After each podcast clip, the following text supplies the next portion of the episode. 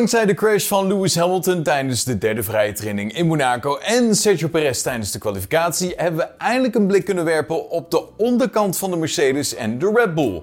Ja, deze zitten natuurlijk vol grote geheimen, maar waarom is dat zo? Nou, dat leggen wij je uit in deze gloednieuwe GPFan Special. In de Formule 1 zijn het niet de zichtbare delen van de aerodynamische oppervlakken die de prestaties van de auto bepalen. Het belangrijkste en tegelijkertijd ook het meest geheime gedeelte van de auto komt eigenlijk van onderen, de vloer. Bij de huidige generatie auto's is het grondeffect van cruciaal belang en genereren teams naar schatting meer dan 60% van de totale downforce onder de vloer. Daarom is de vormgeving van de onderkant van de vloer voor teams van essentieel belang.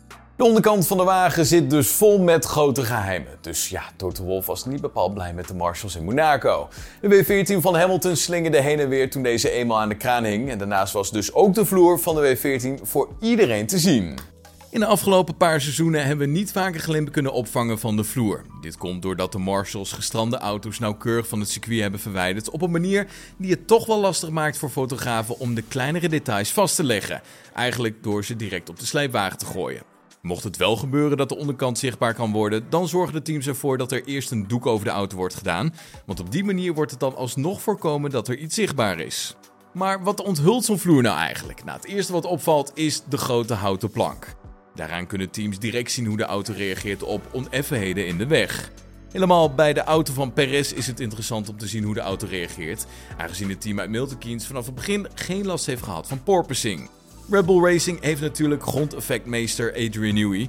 Hij is namelijk dé man in de paddock als het gaat om het verfijnen van het grondeffect. Voor de aerodynamica-enthousiastelingen was Monaco dus weer een waar genot. We kregen niet alleen de vloer van de nieuwe W14 te zien, maar ook direct die van de RB19 van Sergio Perez.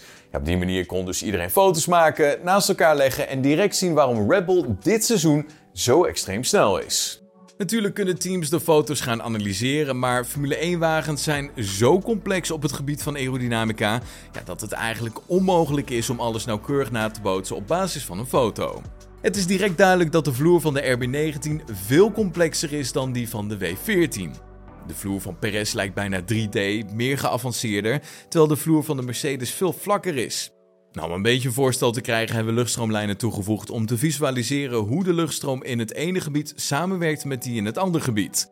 Ted Kravitz noemde de vloer van Mercedes en Ferrari zelfs prehistorisch als je het vergelijkt met die van Red Bull Racing. De floor fences of de vloerhekken zijn behoorlijk gebogen om de uitstroom van de lucht te bevorderen. Maar wat ze ook doen is wervels genereren. Een van de grootste uitdagingen voor aerodynamica-specialisten is ervoor zorgen dat luchtwervelingen, vortex, die ontstaan door de snelheid waarmee de auto rijdt en de onderdelen die op de auto zijn gemonteerd, aanhouden, de volledige lengte van de vloer afleggen zonder te breken of verlies te veroorzaken en zo worden begeleid dat ze ook nog eens prestatieverbeteringen opleveren. Ja, en hoe de vloer van Red Bull omgaat met luchtwervelingen is gewoon een klasse apart.